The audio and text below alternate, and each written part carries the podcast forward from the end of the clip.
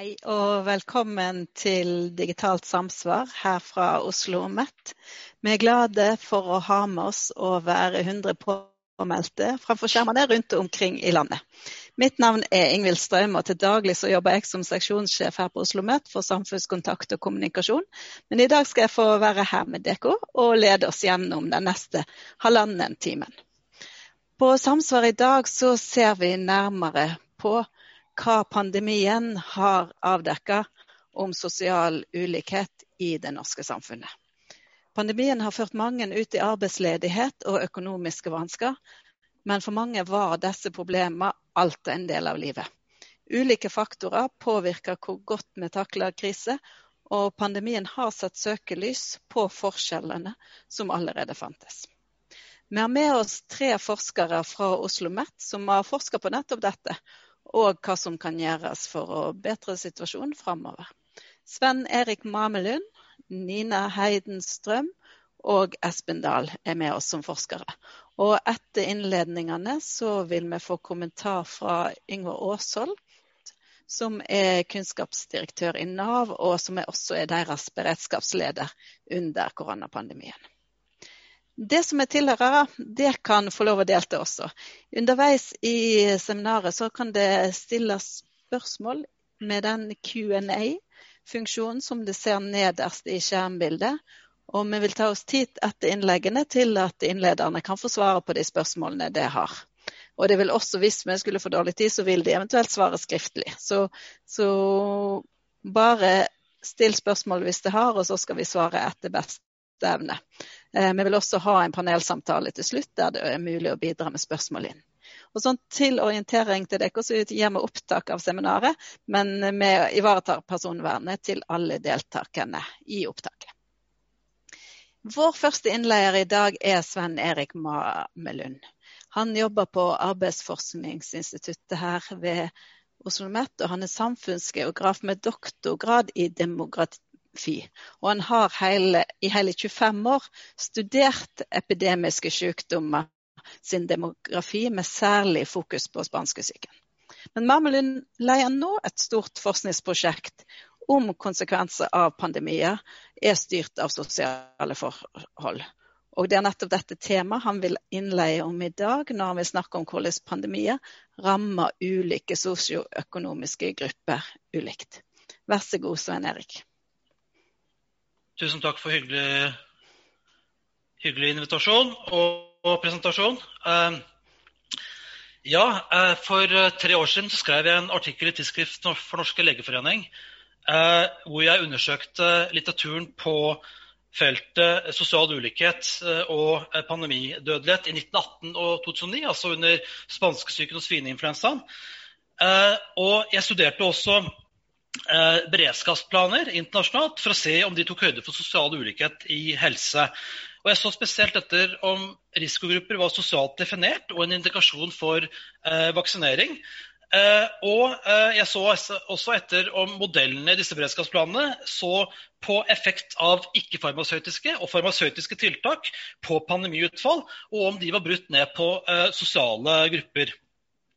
Men uh, sett i lys av det jeg fant, og det var betydelige sosiale forskjeller uh, i dødelighet under de to pandemiene, og også sett i lys av FNs bærekraftsmål for å utrydde fattigdom, sikre god helse for alle og redusere sosial ulikhet i helse, og også uh, rapporter om økende sosial ulikhet i det hele tatt, sånn som Piketty, han økonomen, har vist oss. Altså at det både er økning innen og mellom land i, i ulikhet så er jeg veldig veldig overraska over å finne at ingen av disse beredskapsplanene, verken for EU, alle de 28 medlemslandene, eh, Island, Norge, Sveits, Tyrkia, Makedonia, USA, Canada, Australia og Verdens helseorganisasjon sin pandemiplan tok opp dette med sosial uh, ulikhet. Og Da ble jeg veldig sånn i stuss og tenkte hvorfor i all verden gjør de ikke det? Er det fordi at de som skriver disse beredskapsplanene, stort sett er uh, høy, inntektsland og vestlige land, Uh, hvor fokuset har vært å redusere sosial ulikhet i hjerte, kar og kreft, som på en måte er de sykdommene som tar flest liv i vestlig verden, på bekostning av infeksjonssykdommer? Er det fordi man tenker liksom at uh, risikogruppene forbi medisinske risikogrupper er sosialt nøytralt? Altså at det er ingenting som påvirker på en måte eksponering for eksempel, eller tilgang til helsekunnskap og helsetjenester når du har tatt høyde for medisinske risikogrupper. Og så lurte jeg på, Er det liksom noe med hvem som skriver planene? Det er stort sett leger som gjør dette. Det er stort sett folk som kommer fra hard sciences. Uh, betyr det noe? Er det slik at man i mindre grad er opptatt av disse problemstillingene som jeg er opptatt av, som sosial ulikhet i helse? Er det også slik at medisinfaget har en type masterstatus på det feltet her? så å si sånn som fotballen er i, barneidretten. Altså, det tar alt. Det, og andre perspektiver og andre ideer kommer liksom ikke til, til orde. Er er det grunnen?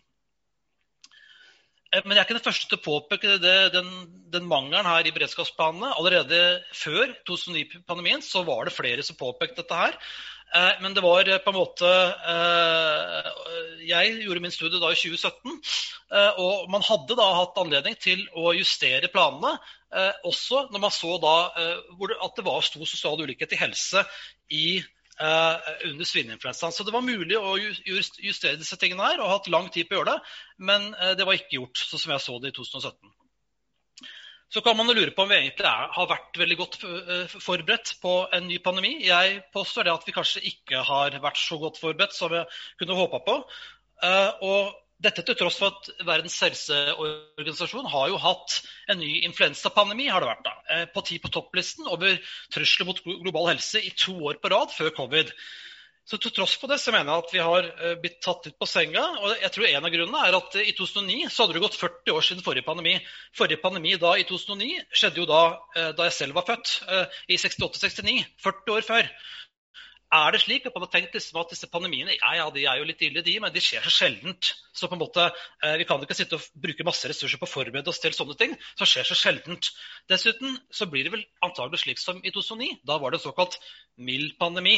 Eh, ergo er, vel, er det noe sånt nå man også for, eh, kan tenke seg at det skal skje igjen da framover. Det skjer sjeldent, og det, det, det, det er mildt, så det er ikke så farlig. Og er det kanskje til og med sånn, har vi trodd kanskje i vår eh, vestlige, eh, globale eller vestlige verden, har tenkt at hm, ja, disse ille pandemiene, ja, er ikke det bare noe som hører til historien? Eh, ikke sant? Dette vil ikke skje igjen. Og er det ikke også sånn at de nye epidemiene og epidemiske utbrudd eh, infeksjons sykdommer, det er noe som på en måte tilhører lavinntektsland, Noe som ebola, Vest-Afrika, Zika, Sør-Amerika osv. Så, videre. så dette vil ikke skje i oss. Og Vi har på en måte sett nå at eh, alt dette her har jo vært feil. Det kunne skje oss, og det er ikke bare noe som tilhører historien. Sosial ulikhet ja, under covid-19-pandemien. Det kommer en drøssevis på studier nå. Dette er bare noen få eksempler. Jeg er ikke veldig overraska over at vi finner nå da eh, sosial ulikhet. Eh, og man finner det i, på ulike indikatorer. In, eh, innvandrerstatus, urfolksstatus, eh, svarte USA-pandemiutfall. Eh, vi ser også at de med lav inntekt og utdanning også har skåret høyere på en del av disse pandemiutfallene. Og det er verdt, verdt, å merke seg også den ene studien på toppen her fra uh, Storbritannia som viser da at medisinske risikofaktorer de forklarer ikke økt risiko for fattige og innvandrere. Med andre ord det er andre ting enn medisinske risikofaktorer, sånn som hjerte- og karsykdommer, kreft, diabetes, kraftig overvekt osv. som er årsakene. Kanskje er det noe annet. Og hva er det da? Nederst her så viser også studier fra Sverige nå som viser at uh, innvandrerne har høyere dødelighet i Sverige. Men det er ganske spesielt, fordi det vanlige er at de faktisk har lavere dødelighet enn svensker. Så det er en sånn healthy migrant effect som man har brukt som forklaring. Så hvorfor i all verden er det slik nå at under covid så dør svenske innvandrere i større grad enn svensker. Det er jo da et paradoks. Eh, hva er det med, med, med, en infeksjonssykdom som dette som gjør at det blir veldig annerledes? Alle andre dødsårsaker er eh, dødeligheten lavere for svenske innvandrere enn for svensker. Og til slutt så har Det jo på en måte, det har vært en debatt da, om hva disse forskjellene kan skyldes at man har dårlige eh, språkkunnskaper, og at man ikke har fått med seg informasjon fra svensk hold, eller for så vidt også i Norge har det vært tatt opp. Er, eh, er det dette her med, med, somaliere som har vært mer utsatt uh, i Sverige og Danmark og, og, og Norge, er det fordi at man var for seint ute med informasjon om smitteverntiltakene på ulike språk. er det en av forklaringene. Men så finner de da altså at innvandrere som bor sammen med svensktalende personer, har samme eller like høy død, risiko for å dø som de som bor sammen med andre utenlandsfødte. Så språkproblemer er tydeligvis ikke da en, en fullgod for, forklaring heller. Men det jeg ser fra en drøssevis av disse studiene har, har lest nå i 2020 om covid, er at de, altså de, påpeker disse helseulikhetene, men få av dem har egentlig noe godt rammeverk eller forklaring på hvorfor vi ser forskjellene. Så det er det jeg mener at eh, både litteraturen og beredskapsplaner i altfor stor grad har hengt seg opp i, i medisinsk sårbarhet, altså den boksen på midten der. Altså, Hvordan på en måte bakgrunnsfaktorer påvirker eh, eh sårbarhet og, og, særlig da medisinsk sårbarhet, hvordan det påvirker pandemiutfallene. Og i altfor liten grad har jeg tenkt på uh, at uh, sosioøkonomiske faktorer påvirker uh, ulike faktorer som fører til ulik eksponering og til slutt også ulike pandemiutfall. Og også kanskje for liten grad tenkt på det her med helsekunnskap og helseforståelse og helsetjenesteforbruk. Så dette er et rammeverk som jeg mener at flere bør bruke for å prøve å forklare og komme nærmere hvorfor vi ser forskjellene vi ser i de ulike studiene. Så er det selvfølgelig sånn i en situasjon da uten antivirale legemidler som funker, og vaksiner, så på en måte er, eh, er verktøykassa fylt med, med smitt, tradisjonelle smitteverntiltak. Tiltak som man for så vidt har holdt på med flere hundre år, helt tilbake til middelalderen. Holdt, på, holdt på med dette her med prøve å holde avstand og, og, og karantene og isolasjon og sånne type ting. Men det vi gjorde på AFI, var å ta, gjøre en spørreundersøkelse i vinter eh, under den første bølgen, hvis vi kan kalle det det, og sett på sammenheng mellom inntekt og ulike smitteverntiltak. Og ser dere da tydelig at eh, det er en sosial ulikhet, særlig eh, med hensyn til det hjemmekontor. Eh, eh, det er veldig mange flere med høy inntekt som har muligheten til det. Det er ikke veldig overraskende. Uh, og så er det noe flere med høyere inntekt som, som, vasker hendene, men de aller fleste gjør faktisk det. da. Og de fleste greier også å holde én meter avstand, men, men, det er litt større mulighet tydeligvis for de som har høyere inntekt, å få det til. Og samme også å gjøre mindre offentlig transport til jobb eller i privat sammenheng, er det litt lettere for folk med høyere utdanning eh, å, å, få til. Og, og, og, Jeg kunne vist eh, noe tilsvarende tall for utdanning her, og, de er ganske like. Det er særlig det, de med høy utdanning og inntekt som da har muligheten til å være mer på hjemmekontor og bruke mindre offentlig transport. Så alt i alt så er det da antagelig dette en veldig viktig forklaring for å forstå hvorfor det er sosial ulikhet i helse. Det er i hvert fall én av de sentrale faktorene nå for å forstå sosial ulikhet i helse under, under covid. Så tenker jeg da til slutt å si noe om hva i all verden da kan vi nå gjøre med, med dette her. Eh, ja, For det første så må man bare erkjenne at eh, det kan komme nye topper, bølger eller hva man vil. Det, det kan komme nye utbrudd. Eh, og, og, det ser man jo typisk i flere europeiske land nå, at det er en stor uh, andre bølge på, på, på, vei. Og Mange andre land har allerede opplevd det, og til og med inne i sin tredje bølge. Nye pandemier vil komme. Eh, og Det må man bare også forstå. og Det trenger ikke, det trenger ikke å ta 40 år før vi får en ny pandemi. og Det kan være forårsaket av influensa eller av, av, koronavirus, eller et patogen X for den saks skyld, et ukjent patogen. Eh, og det kan til og med også bli verre. Det er noe man må planlegge for. Så sier jeg hele tiden eh, at jo, gode beredskapsplaner er jo, er jo flott. Men det aller beste beredskapen, tror jeg, er faktisk å passe på at vi reduserer redusere sosial ulikhet i helse før en ny pandemi.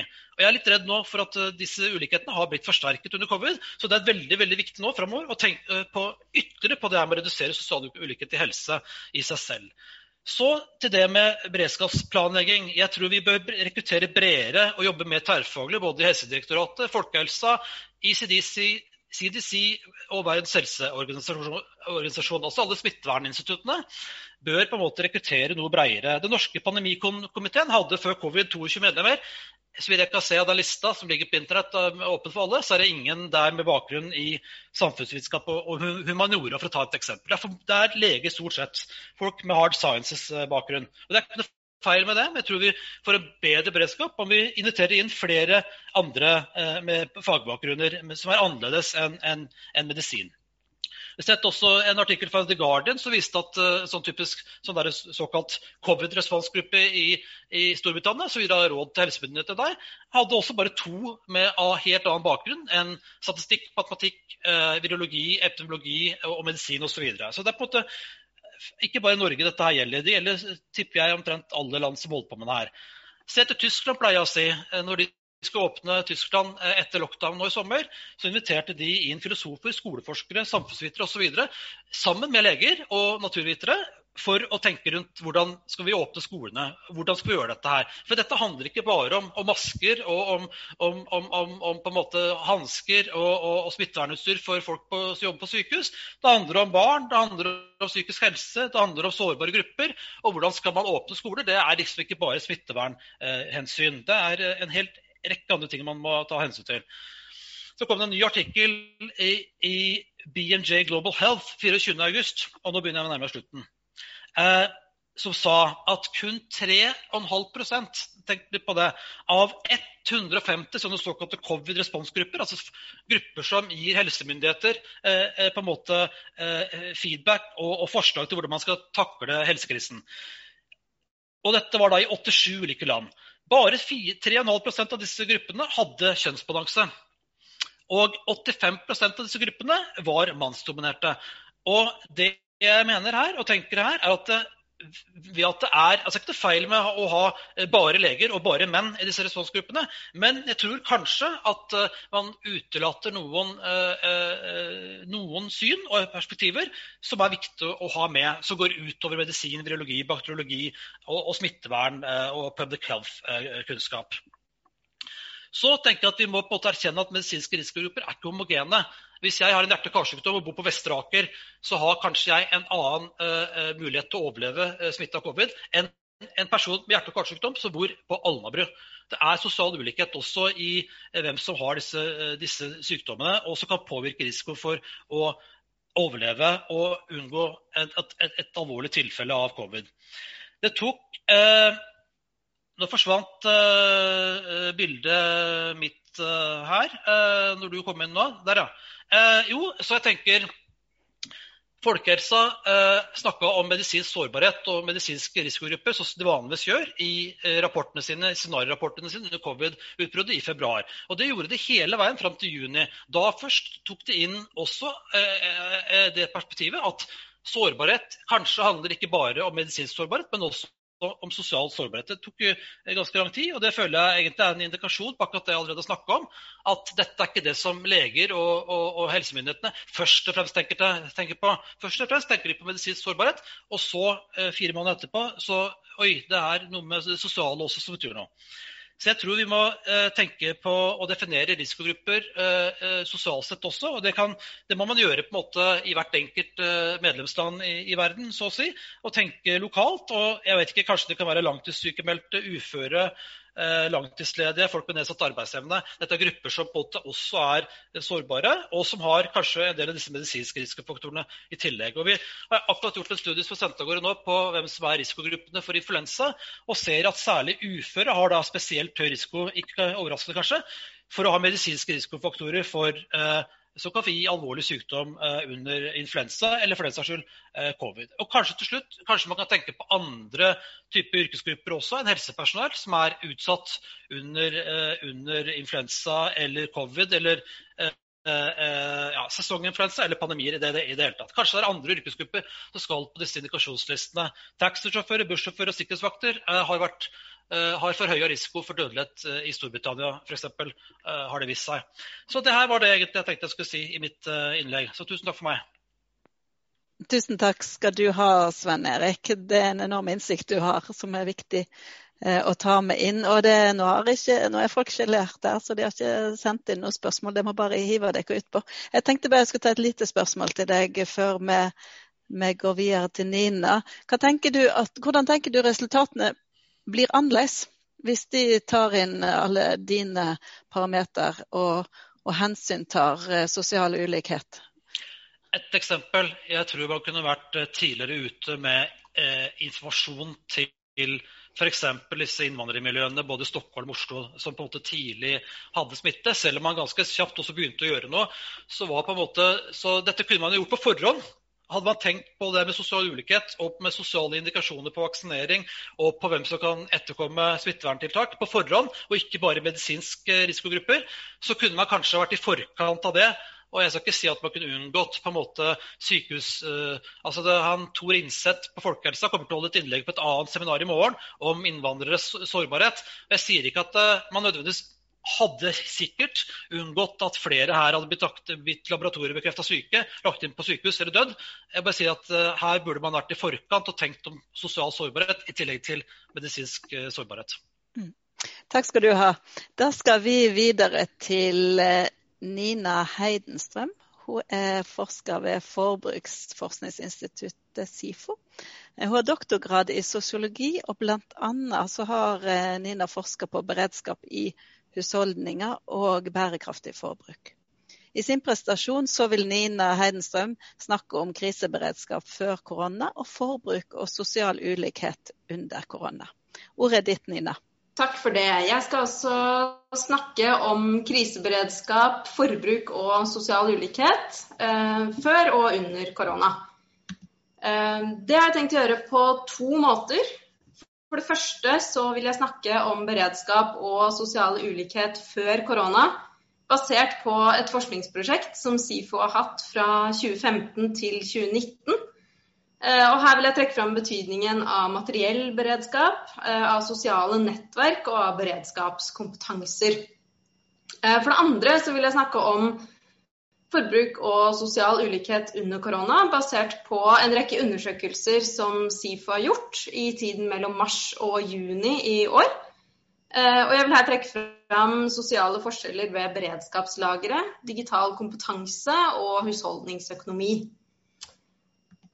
Og SIFO har altså hatt et fireårig prosjekt på husholdningers beredskap, der vi spesielt har sett på eh, beredskap for brudd på kritisk infrastruktur. Men vi har også sett på, på husholdningers beredskap generelt. Eh, og vi har vært hjemme hos ulike typer husholdninger, både i rurale og urbane strøk, yngre og eldre, med og uten barn.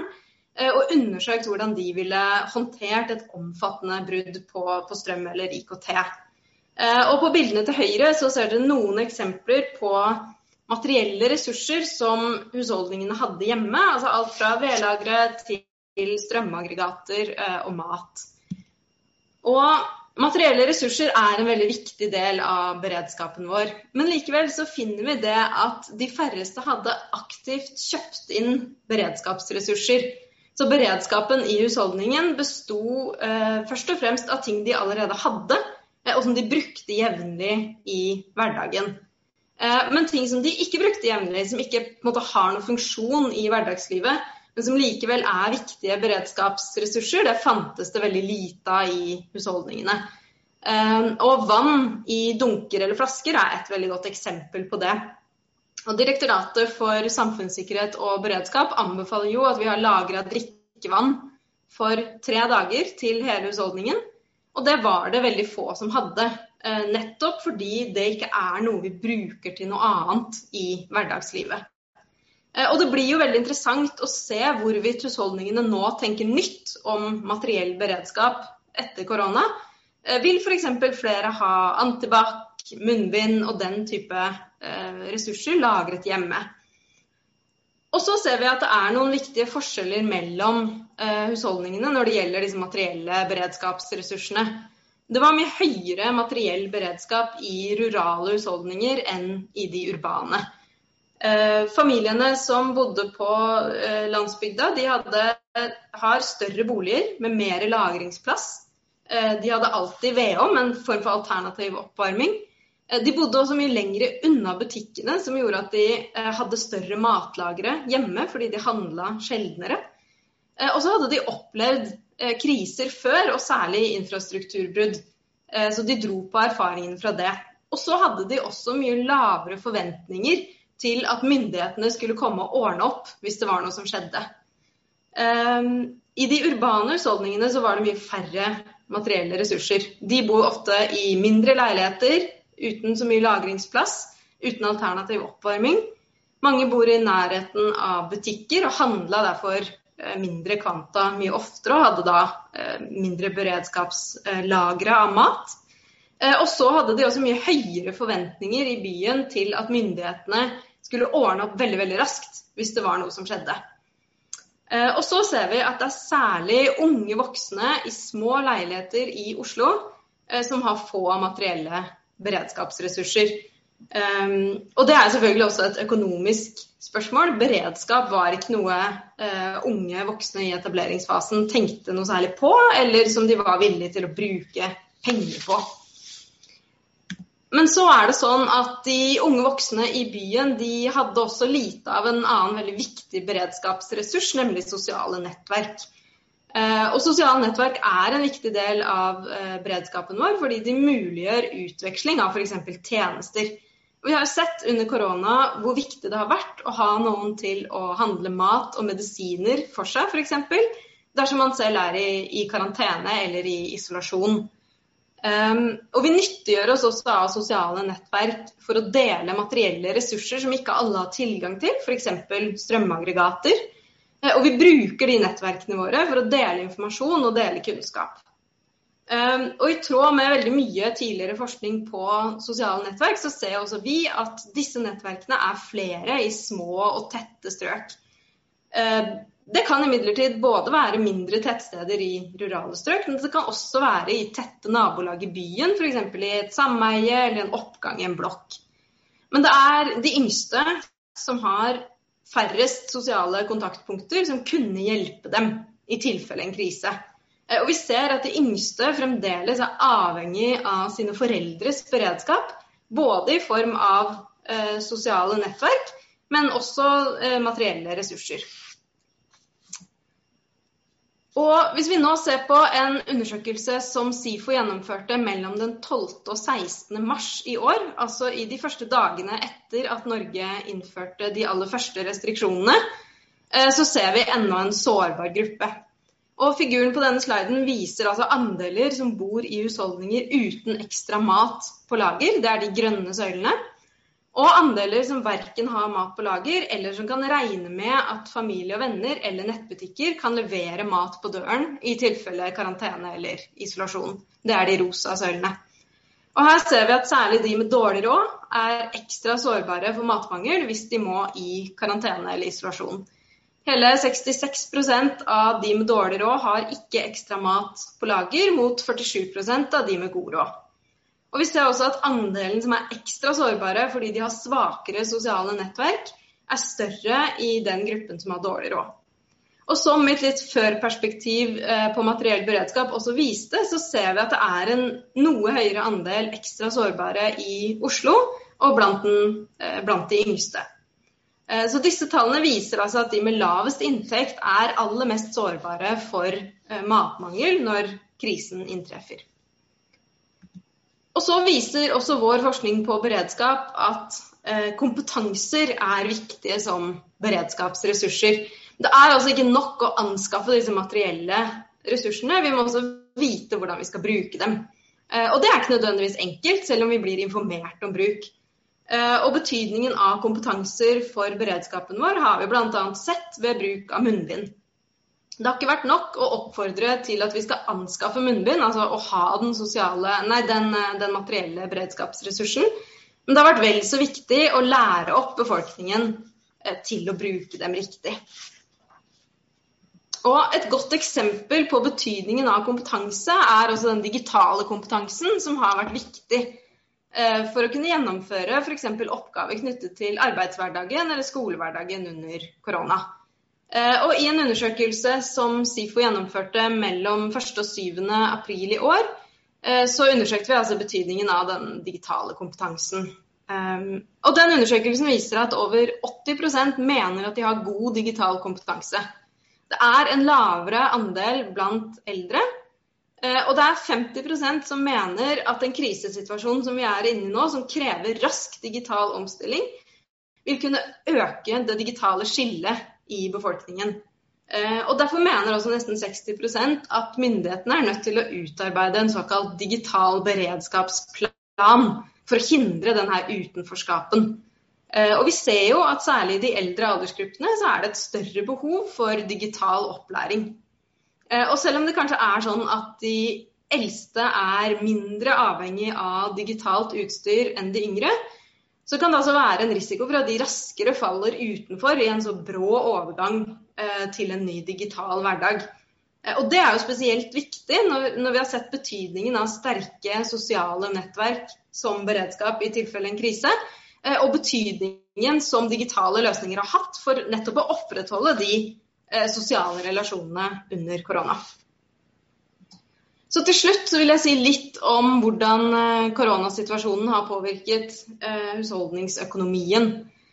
Og dette er basert på undersøkelser som SIFO har gjort i april og juni i år.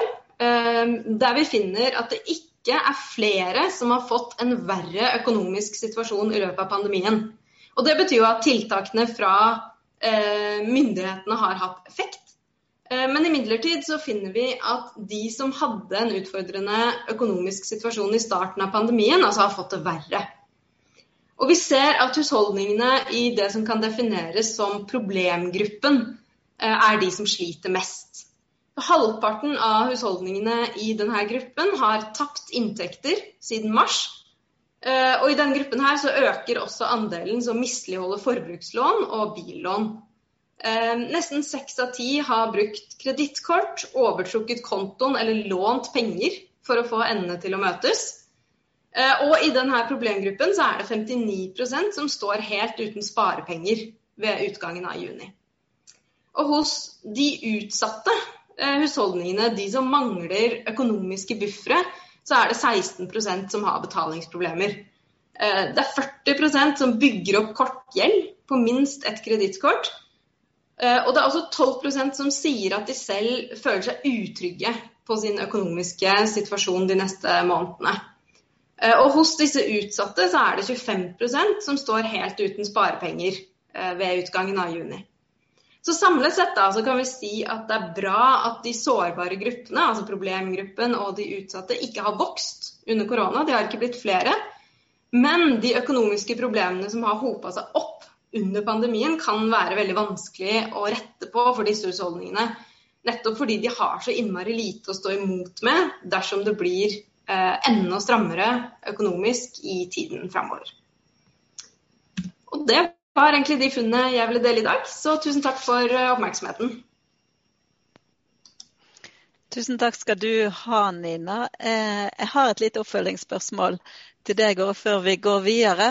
For, for det jeg eh, satt og tenkte på når jeg hørte på deg nå, er om har myndighetene for lite kunnskap til å treffe riktig? Sånn om hva den enkelte familie og den enkelte kan bidra med. Hvilken beredskap de faktisk har, både sånn økonomisk. Sant? Hvis et barn plutselig må på hjemmeskole, så har de ikke PC i det hjemmet. Har de, har de nok kunnskap til å treffe med tiltakene sine? Eller er det noe de burde ha justert her? Altså, jeg tror jo eh, absolutt på at man bør eh, utføre mye mer av beredskapen lokalt, altså i lokalsamfunnet. Nettopp fordi det gjør at man får bedre oversikt. Eh, men sånne type nasjonale beredskapsplaner eh, blir naturlig nok veldig generelle fordi de skal dekke en hel eh, befolkning. Eh, men jeg tror absolutt at det er mulig å måte, få mer kunnskap om eh, ulike sosiale grupper og de ulike behovene som ulike grupper har, ved at man måte, plasserer eh, en del av det beredskapsarbeidet eh, mer lokalt, og også eh, utfører tiltak som gjør at eh, medlemmer av disse litt mer sårbare gruppene kan aktivt delta i det beredskapsarbeidet og få lov til å på en måte få uttrykt sine behov eh, litt klarere. Så, så, ja, jeg tror på en måte eh, foreløpig at eh, beredskapen er litt generell, og at vi kan gjøre en del ting for å, for å konkretisere og for å engasjere også de, de sårbare gruppene. Absolutt. Mm, tusen takk, Nina. Det her må vi prate litt mer om etterpå, kjenner jeg. Og snakke med de andre om det òg. Eh, nå er det Espen Dahl som snart skal få ordet. Eh, Espen Dahl er professor ved Fakultet for samfunnsvitenskap her ved Oslo OsloMet. Han forsker på levekår, han forsker på helse, arbeid og sosial ulikhet. Han vil i det neste innlegget se tilbake på gårsdagens forskning om folkehelse og økonomiske kriser, og hvorvidt den kan hjelpe oss til å forstå dagens koronakrise. Står vi nå overfor gammelt nytt, eller er dette noe helt nytt? Eh, vær så god, Espen. Eh, takk for det. Um, ja. Um, og takk for introduksjonen og takk for å invitere meg til, til dette webinaret. Altså, min tilnærming til, til covid-19-pandemien er vel litt annerledes kanskje enn de to tidligere innlederne. Jeg skal på en måte bruke si, kunnskap om hva vi vet om sosiale og helsemessige konsekvenser av tidligere kriser, og kanskje spesielt skal trekke veksler på egen forskning som vi gjorde da på finanskrisen, altså the great recession som det ble kalt, da, som eh, vel kanskje sies å kan ha opphørt eh, skal vi si, rundt 2015. Eh, og Spørsmålet er da om, eh, i, altså i, lys av den kunnskapen vi har oppnådd om, om de sosiale konsekvensene og helsemessige konsekvensene av, av den forskningen, også om det vi kan nå si i pandemikrisa, Eh, om det er noe gammelt nytt vi ser her, eller om det er noe helt nytt. Jeg tror vi allerede sånn eh, innledningsvis kan si at det er noe helt nytt. Av det tenker jeg er to grunner. Eh, nå står vi overfor både en økonomisk krise som konsekvens av smitteverntiltakene, som ligner ganske mye på tidligere økonomiske kriser men en måte det var økonomien og uh, ubalanse og kollaps i økonomi som, som ledet til høy ledighet og inntektsbortfall, og ikke minst økende, økende, grad av fattigdom da, blant de som ble rammet av dette. Eh, samtidig som eh, om det er, det er, noe som er likt, så er det også eh, hva skal vi si, at de politiske beslutningene det er jo de som ligger til grunn for den hva skal vi si, økonomiske og sosiale krisa som vi nå opplever. Mens tidligere så var det økonomien. Så denne dobbeltheten i den krisa vi har, altså den har vi, har vi vel antagelig knapt opplevd noen gang. I hvert fall ikke de siste 100-200 år. Så den er, den er ganske spesiell, men kanskje vi likevel kan lære noe av tidligere økonomiske kriser. Så jeg skal si litt om eh, hvilke erfaringer vi har eh, fra det. Jeg skal stille tre spørsmål for å nærme meg dette eh, hva skal jeg si, overordnede spørsmålet om vi står overfor gammelt nytt, eller om det er noe, er noe helt nytt. Det er for det første hvem som rammes av økonomiske kriser. og hva, Det vet vi en del om. Hva er de helsemessige konsekvensene av dem? Det vet vi også en del om. Og så er det gjort en del forskning på hvilke tiltak da, som kan dempe de verste utslagene av eh, økonomisk krise, og formodentlig også da eh, den koronakrisa som vi er oppe i. Ehm, vi vet jeg kjenner til veldig lite forskning som er gjort i Norge på altså de, de, helsemessige konsekvensene som eh, vi har sett, eller som, som man har opplevd eh, siden, eh, siden mars-april i Norge. Men det er i hvert fall gjort noe på uh, studier av hvem som rammes. og Jeg skal også si litt om det, da, så jeg skal trekke inn den kunnskapen der. Uh, hvis vi bruker finanskrisa som eksempel her, så var det da uh, i midten av krisa var det 48 millioner i OECD-rådet, altså i de rike landene som var uten jobb. Og Det var veldig tydelig at de som var hardest rammet, det var lavinntektsgrupper, det var det lavt utdannede og det var eh, unge. Vi husker tallene fra, fra, Spania og Italia spesielt. Det var 30-40% av de unge som var uten jobb og, og, og, utdanning, eller kanskje enda høyere andeler til og med. Og så var det da familier med barn. Og kanskje særlig de to siste er jo, det er jo litt urovekkende. For i den grad de blir merket som, som unge og, og barna i familier som, som, rammes, så vil jo dette kunne ha lang, langtidskonsekvenser. Så OECD eh, i den rapporten som ligger til grunn for det jeg skriver her, de, de kalte jo dette en, en dyp sosial krise. Eh, som vi kanskje ikke er kommet helt ut av, uh, ut av enda. Ehm, så er spørsmålet hvordan, hvilke konsekvenser har nå dette for folkehelse, og eh, spesielt da ulikhet i helse. Da tenker jeg man, en må anlegge et, eh, et, perspektiv eh, som er kalt for ehm, helsens sosiale determinanter.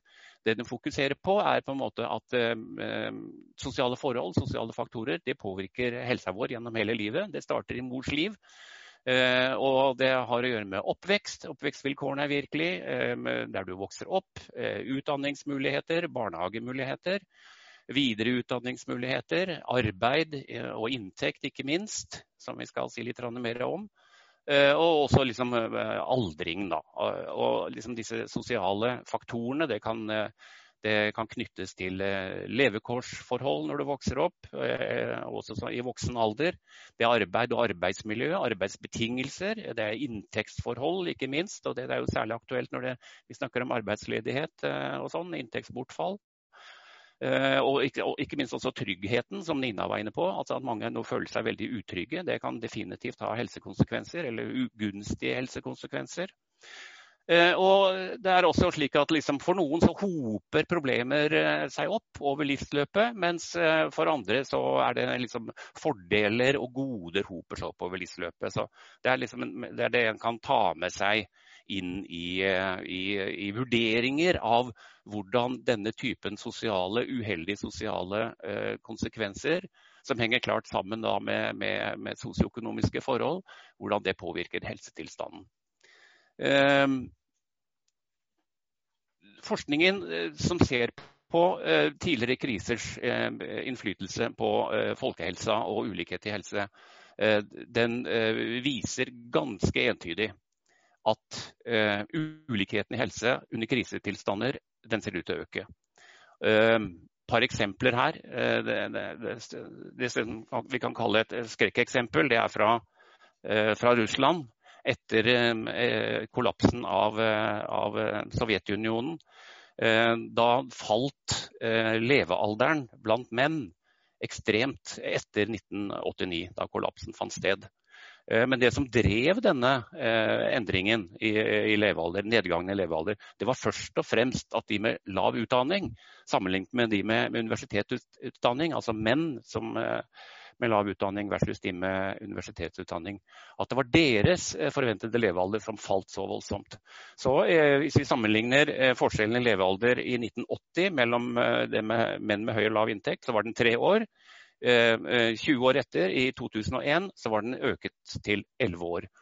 Altså forskjellen, forskjellen i levealder hadde altså gått opp med ni år over 20 år. Og det, eh, Slike hva skal vi si, eh, dramatiske endringer i, i folkehelse og ulikhet helse har man, sett, har man knapt sett noe sted. Nå er det ikke dermed sagt at dette vil, vil gjelde hos oss, selvsagt. Og heller ikke så eh, det, virket det så dramatisk under finanskrisen i Europa. Men også der var det veldig tydelige tegn på voksende helseulikhet etter utdanning, inntekt, yrke og uh, sysselsetting. Eh, vi gjorde en systematisk oversikt, eller en, eh, en sånn eh, kunnskapsoversikt basert på 49 studier av hvordan finanskrisa påvirket ulikhet i helse i, i, Europa, og fant at 65% av dem ganske entydig viste at ulikheten i helse hadde økt, og kanskje spesielt da i si, altså dårligere mental helse. da at forskjellene mellom utdanningsgruppene hadde økt, f.eks. Men det, de forskjellene fant man også mellom inntektsgrupper, eh, ulike yrkesgrupper og, og, de som var innenfor og utenfor arbeidsmarkedet. Eh, som sagt så vet vi ikke så mye om hvordan helseulikheten i Norge har utviklet seg etter eh, eh ja, si 12. 12. mars. Men det vi, vi, vet ganske mye om eh, hvordan, hvem som er rammet av tap av arbeid og tap av inntekt. Eh, eh, og det er bl.a. Frischsenteret og SIFO, som vi allerede hørte Nina nevnte, eh, noen, noen tall fra, har, studert dette. Så hvis vi tar utgangspunkt i april og går gjennom juni og august, så ser vi at Ca. 400 000, dette er cirka-tall, de ble ledige eller permittert da i april. Og Frischsenteret eh, så da på eh, tall fra, fra, Nav og fant at de som var overrepresentert eller hadde høyere risiko enn andre, de hadde lav inntekt, lav utdanning og kom fra lavinntektsfamiliebakgrunn. bakgrunn. Det var i april, ikke sant, de ca. 400 000 som da ble rammet. Og de tilhørte da næringer. ikke sant, Det er slike hva skal vi si, eh, arbeidstakere med slike egenskaper er, er mer vanlig. F.eks. hotell og restaurant, reiseliv, reiselivsbransjen. Og i, det var ca. 300 000 ledige i juni, eh, og disse SIFO-forskerne fant jo da at 26% av husholdene er i en utsatt økonomisk posisjon. Og igjen så er det på en måte de samme gruppene som i størst grad rapporterer om denne typen økonomiske problemer. Og så har eh, Frisch-forskerne eh, nå nylig eh, lansert eh, disse foreløpige tall allerede i eh, forrige uke. Eh, og Da var det ca. 190 000 ledige, ifølge tall fra, fra, fra Fish. Og det de da ser, altså tar de utgangspunkt i de de identifiserte da i april. Og så har de sett på hvem som fortsetter som ledige, og sett sammenlignet med de som da er kommet seg ut i jobb igjen. Og De finner da at sammensetningen har endret seg. Det er nå, ikke sant, Blant de 190 000 sammenlignet med de 400 000, så er det da flere med lav inntektsbakgrunn, flere uten fullført videregående skole, flere utenlandsfødte og flere eldre. Og kanskje eh, Det er flere bekymringsfulle trekk ved det, men kanskje at flere eldre, der kan man vente altså at de på en måte eh, helt og holdent forlater arbeidsmarkedet. Ehm, så ikke sant, altså de som da, ikke sant, Det er eh, de langtidsledige, man følger jo disse over tid. og De langtidsledige har da en annen, annen sammensetning. Ehm, de har færre ressurser til å, på en måte å komme, og kanskje mindre etterspurt i arbeidsmarkedet, slik at de i mindre grad, sjeldnere kommer seg i, jobb igjen. Før vi går til dette, så, ehm, så, kan man gjøre seg noen eh, betraktninger om eh, hvordan dette vil påvirke ulikhet i helse i Norge. Og ehm, jeg tror, ikke sant, Ut fra helse, dette perspektivet om helsens sosiale determinanter, med eh, stor grad av usikkerhet, ehm, mange med usikker inntekt og med mye lavere inntekt, antagelig høyere fattigdom blant, blant mange, og at eh, veldig mange fremdeles er permittert eller er, er eh, ute av jobb. Det, det, er absolutt grunn til å anta at det kan tenkes å ut, påvirke eller forsterke ulikhet i helse. Og Det som er verdt å merke seg her, er jo at, eller huske på kanskje, det er at har, det vil skje da, altså at vi får en forsterking av den generelle trenden mot større uh, ulikhet i helse etter utdanningsnivå, som vi har sett i Norge siden 1960-tallet. I løpet av den perioden fram til ganske nylig så økte forskjellene med lav og høy inntekt blant kvinner fra 1,4 forventet levealder blant 35-åringene. Eh, den økte fra 1,4 år, forskjell mellom høy og lav utdanning, til 4,9 år. Og blant menn så økte det fra 1,8 til 6,2 år. Så det har vært en generell økning i dødelighet dødelighetsforskjellene mellom de med lang og høy utdanning både blant menn og kvinner helt siden 60-tallet. Så den da forsterkede ulikheten som kan forventes å finne sted pga. koronakrisa, den vil da komme i tillegg til den mer sånn trendmessige um, utviklingen um, som vi har sett da de siste 50-60 årene. Uh, hvilke tiltak kan så dempe disse verste utslagene av um, ledighet, usikkerhet, inntektsbortfall og fattigdom? Uh, Studier fra eh, eh, finanskrisa viser at det å ha en sjenerøs inntektssikring er et klart pre. Det demper de sosiale ulikhetene eh, i helse. Det samme gjør satsing på aktive arbeidsmarkedsprogrammer.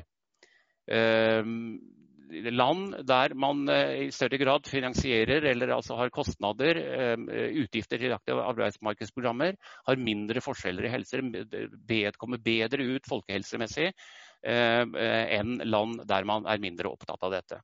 Så eh, jeg tenker at det, politiske implikasjonen av dette er egentlig ganske tydelig. Det er det man må satse på. Det har man jo i stor grad satset på så langt eh, i Norge. Eh, og så da tilbake til det overordnede spørsmålet som ble stilt eh, innledningsvis her. Altså, er, det, eh, er, dette gammelt nytt? Jeg må si at ja, det er gammelt nytt, men det er også noe helt nytt. og at det er gammelt nytt, det er fordi at de vanskeligstilte rammes hardest. Både sosialt, økonomisk og sannsynligvis, det har vi dårlig kunnskap om enda, også helsemessig. Noe helt nytt. Ja, vi har denne doble krisa. som eh, Vi hadde, vi hadde svineinfluensa og vi hadde, vi hadde eh, spanskesyken.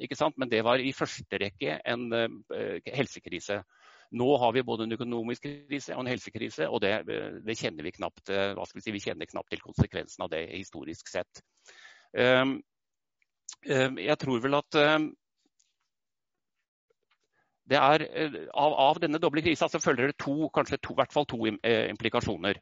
Det ene er at i og med at vi må holde den økonomiske aktiviteten og den sosiale aktiviteten, aktiviteten nede, så kan ikke staten uten videre eh, på en måte investere seg ut av den økonomiske krisa, som man f.eks. kunne med finanskrisa.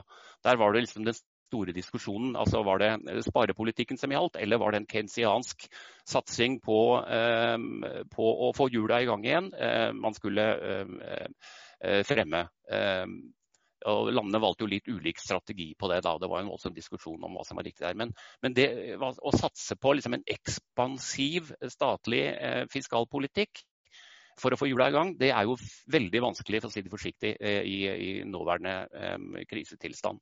Så Det er det ene. Og det andre også, uh, som, som, som, jeg, altså, som, gjør det vanskelig å liksom, opprettholde uh, en, en, altså en, politikk som vi har hatt de siste åra, uh, det er jo igjen det samme. Altså aktiviteten må holdes nede. Så når eh, eh, Nav og sosial, eh, sosialpolitikken i Nav og i sosialkontorene går ut på aktivisering og få folk i arbeid, så er på en måte det, det bryter jo med at vi trenger mindre aktivitet for ikke å bli ikke, altså, ikke øke smitterisikoen mellom folk. Så det er, liksom, det er, vanskelig å på en måte ha en aktiviserende, en aktiv arbeidsmarkedspolitikk sørge for aktivitet, ikke minst sosial aktivitet, all den eh, stund vi, er, eh, vi må på en måte holde den nede for ikke å øke, øke smittefaren. Så jeg, jeg tror vel at liksom, altså det, det, som tidligere ble kalt for passiv inntektssikring, tror jeg fremdeles er, er veldig viktig å holde fast ved. Altså Sjenerøse Eh, trygdeytelser til de som ikke kommer seg med jobb igjen, og som på en måte er de minst ressurssterke blant oss, er det viktig å holde fast ved. Og så må man tenke veldig nytt, antagelig.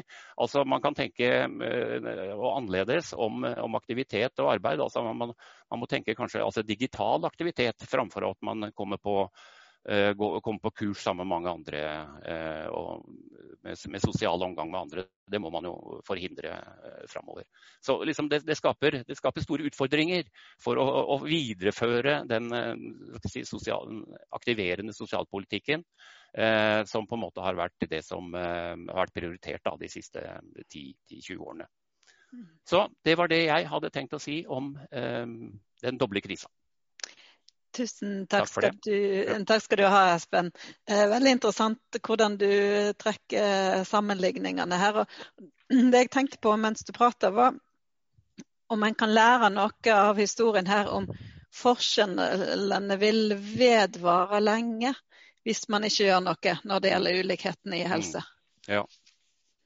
Ja, eh, altså det er to, to, si, to resonnementer som, som, sier ja til det, at det, vil, at det, vil, vare lenge, og at det egentlig kanskje ikke vil manifestere seg før om kanskje 10-20 år. Det ene er at liksom de, en del av de barn og unge som vokser opp i dag, eh, i den grad deres helsa får en knekk i dag, altså det vil vi først se om, om ganske lenge. Eh, eh, livsløps, altså forskning med hjelp av livsløpsperspektiv er jo veldig opptatt av at, at svekkes helsa, ødelegges helsa, får man helsetrøbbel i ung alder, så har det på en måte, det, det vil påvirke folks livssjanse, og en vil se det kanskje gjennom hele livet. Og Det andre som tilsier det samme, er eh, denne scarring-forskningen i arbeidsledighetsforskningen. Altså er du først eh, arbeidsledig en gang i ung alder, så, så ser det ut til å følge deg gjennom hele livet. Så ikke? Altså, Da er det en større sannsynlighet for å havne på trygdeytelser og, og mindre lavere sannsynlighet for å være yrkesaktiv og også med mindre inntektsmuligheter. Det, det, er mye forskning som viser det. Men igjen så, så eh, måte så eh, annen forskning som ser på dette i komparativt perspektiv, og da sammenligner arbeidsledighetsregimene, finner at der man har sjenerøse regimer, der man har sjenerøse ytelser, så er denne scarring-effekten, denne arr-effekten, den er da mindre enn der man har mindre sjenerøse ytelser. Men også er det en, en, en, tredje som taler mot dette. og Det er noe man fant eh, under eh, krisa i, i, i Sverige eh, tidlig på 1990-tallet. Og som vi, sett, som vi, ser nå. og Det er jo nettopp at um, andelen, eller antallet som søker seg på videre, altså høyere utdanning på universiteter og høyskoler, den er nå høyere enn noensinne og er 8000 høyere enn i fjor. Nå er den på 180, 108 000 som ble tatt opp nå tidligere i år. Og Da vil jo på en måte man øke den humane kapitalen. og Er det noe som påvirker eh, yrkesaktivitet og velvære og trivsel og helse eh, positivt over, eh, over lengre sikt, over livsløp, så er det akkurat å, å, å få seg en solid utdanning. Mm. Så Det taler for at um, si, det, det, en, si, det, det, kan være en positiv, en positiv effekt da, av, av, det vi står oppe i. Men på en måte nettoeffekten er jo veldig vanskelig å anslå om mm. ti år. Ja, Men det, det, siste du var inne på, bringer oss over på et spørsmål som vi har fått fra en av tilhørende. Eh, det er hva med nyutdannede? Har dere noe tall på om de kommer seg ut i arbeid nå under koronakrisen? Har det det, eller er det for tidlig å si noe om det? Nei, jeg, jeg kjenner ikke til det. Jeg, jeg, tør, jeg, tør, ikke si det. Jeg kjenner ikke til det. Kan tenkes det finnes. Kanskje NIFU Step har gjort noe, eh, eller andre. Eh, jeg, vet ikke, men jeg er redd det er litt for tidlig. Mm. Det kan være vår neste kommentator kan si noe på det. Eh, tusen takk skal du ha, Espen Dahl. Eh, nå har vi fått med oss eh, Ingvar Aasholt til å kommentere innledningene fra våre forskere. Han er kunnskapsdirektør i Nav, og han er også beredskapsleder i Nav nå under koronapandemien, så han hadde nok hatt et travelt år, slik som mange av oss. Og jeg er veldig glad for at du hadde tid til å bli med oss i dag, Ingvar. Så vær så god, ordet er ditt.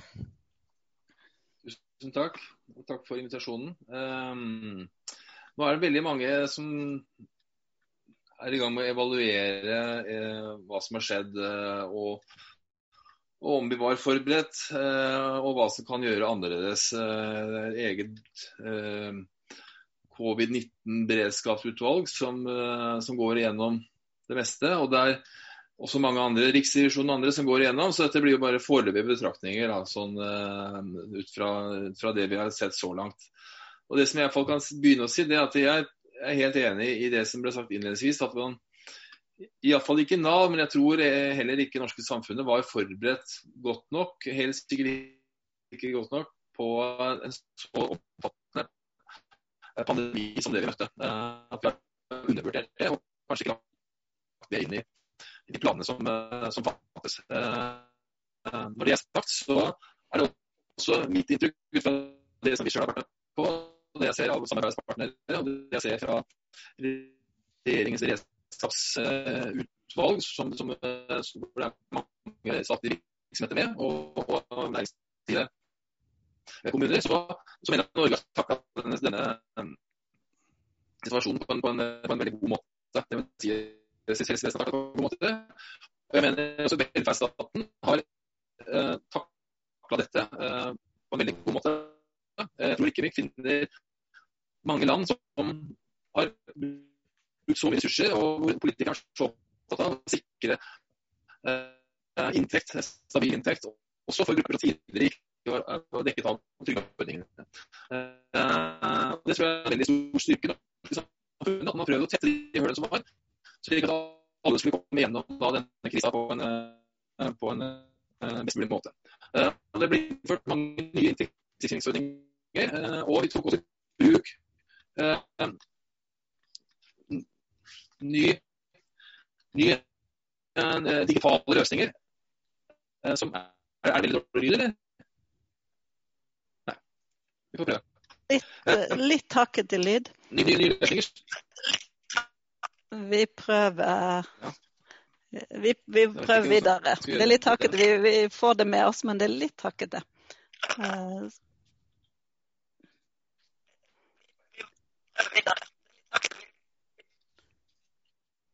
får det med oss, men det er litt Ja. Bare, bare, bare, gå videre, så prøver vi. Vi tar eventuelt av kameraet for å se om det blir bedre. Ja. Ja, ja, ja. Eh, nei, også så, eh, Til og med digitale løsninger for sosialhjelpsmottakere ble jo, med, ble jo innført. fordi at alle kontorene på, i Nav eh, rundt omkring i kommunene stengte jo ned. Eh, kontorene var oppe digitalt, men ofte fysisk nedstengt. Iallfall delvis nedstengt. Uh, og Det fungerte veldig veldig bra. sånn at De aller fleste har fått uh, også de pengene som de har behov for når de skulle motta sosialhjelp. Så ser vi med samme bekymring som alle andre som har snakka her, på at det er veldig stor forskjell på hvem som da blir ramma her. vi ser at mangel på arbeid, utfordringer, helseutfordringer, økonomiske utfordringer, boligsituasjonen, alt dette samvarierer og gjør at noen grupper blir mye mer utsatt eh, enn andre.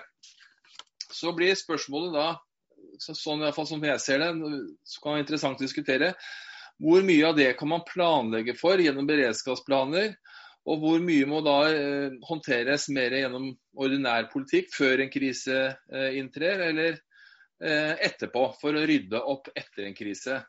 Og jeg tror at det er grenser for hvor mye beredskapsplaner man kan lage som er gode og treffsikre. Det kan fort bli veldig mye arbeid som ikke treffer veldig godt. Så, og Jo mer usikre man er på virkningen av de tiltakene man iverksetter, jo mindre er det egnet en beredskapsplan. Beredskapsplaner bør inneholde veldig konkrete, målretta, effektive tiltak. Det er iallfall sånn som vi har sett det for, for vår del. Um, og da eh, tror jeg at veldig langt på vei så, så, har man løst det man kunne gjøre eh, akutt eh, nå.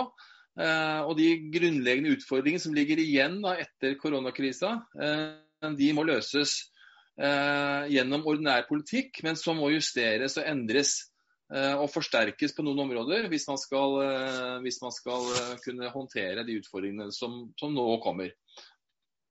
Og Jeg tror ikke det har vært mulig å planlegge kjempemye bedre for, for, de utfordringene som i hvert fall jeg har stått overfor.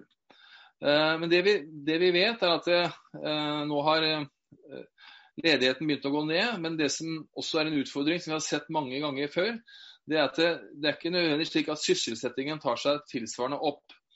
Så det forsvinner også jobber, og det betyr at det blir færre jobber eh, tilgjengelig.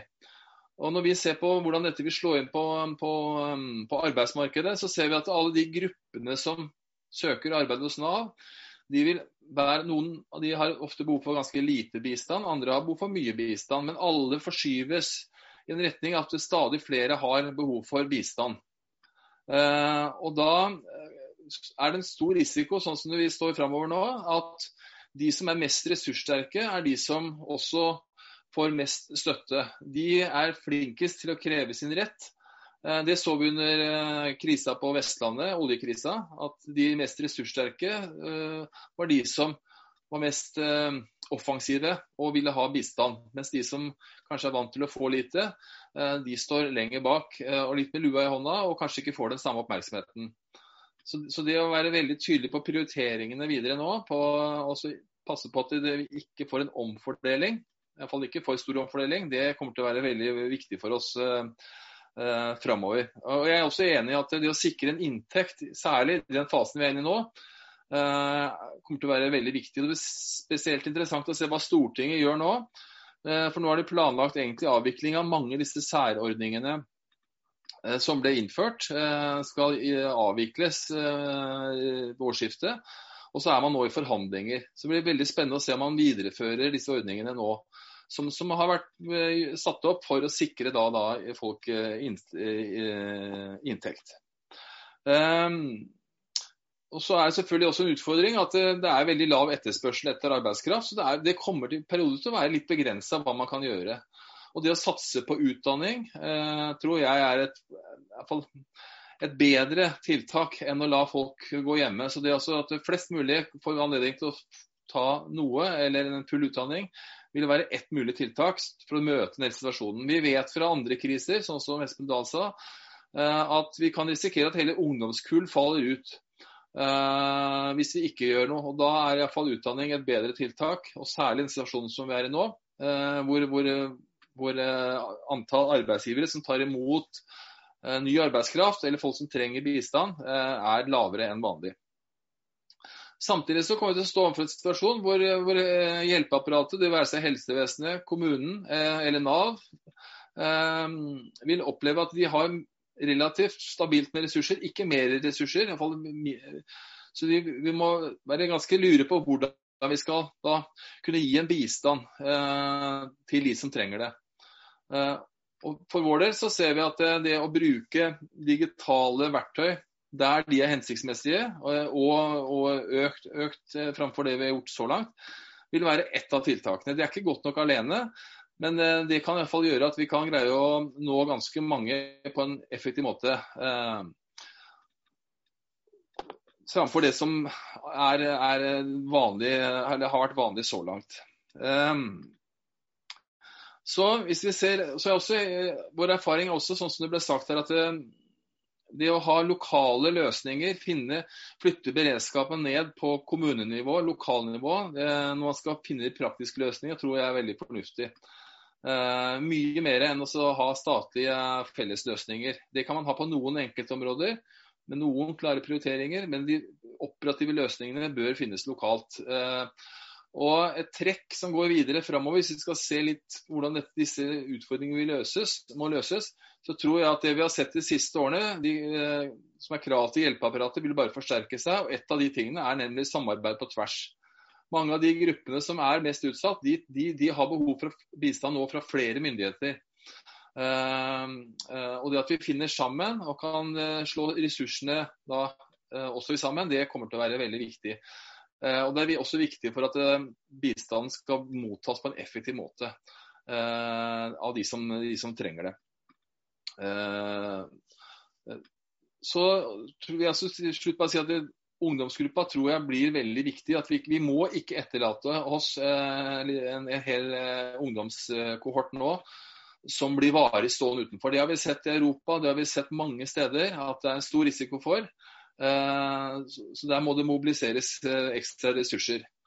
Og så tror jeg også at det, også andre politikkområder enn det vi har diskutert nå, som går på altså, helse, arbeid, sosiale forhold, altså boligpolitikken f.eks., eh, bør også gjennomgå en vurdering etter dette.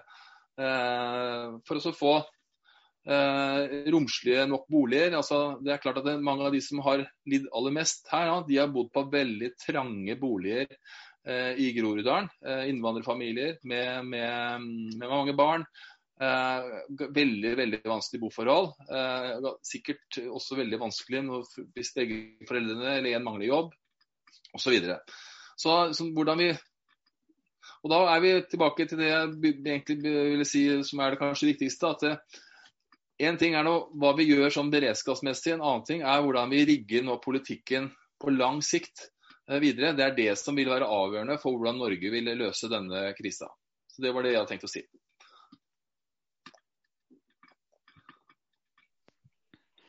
Tusen takk skal du ha, Ingvar Aasholt. Veldig interessant å høre fra Dekoinav hvordan det ser på det. Men også hvor mange ulike grupper det er her.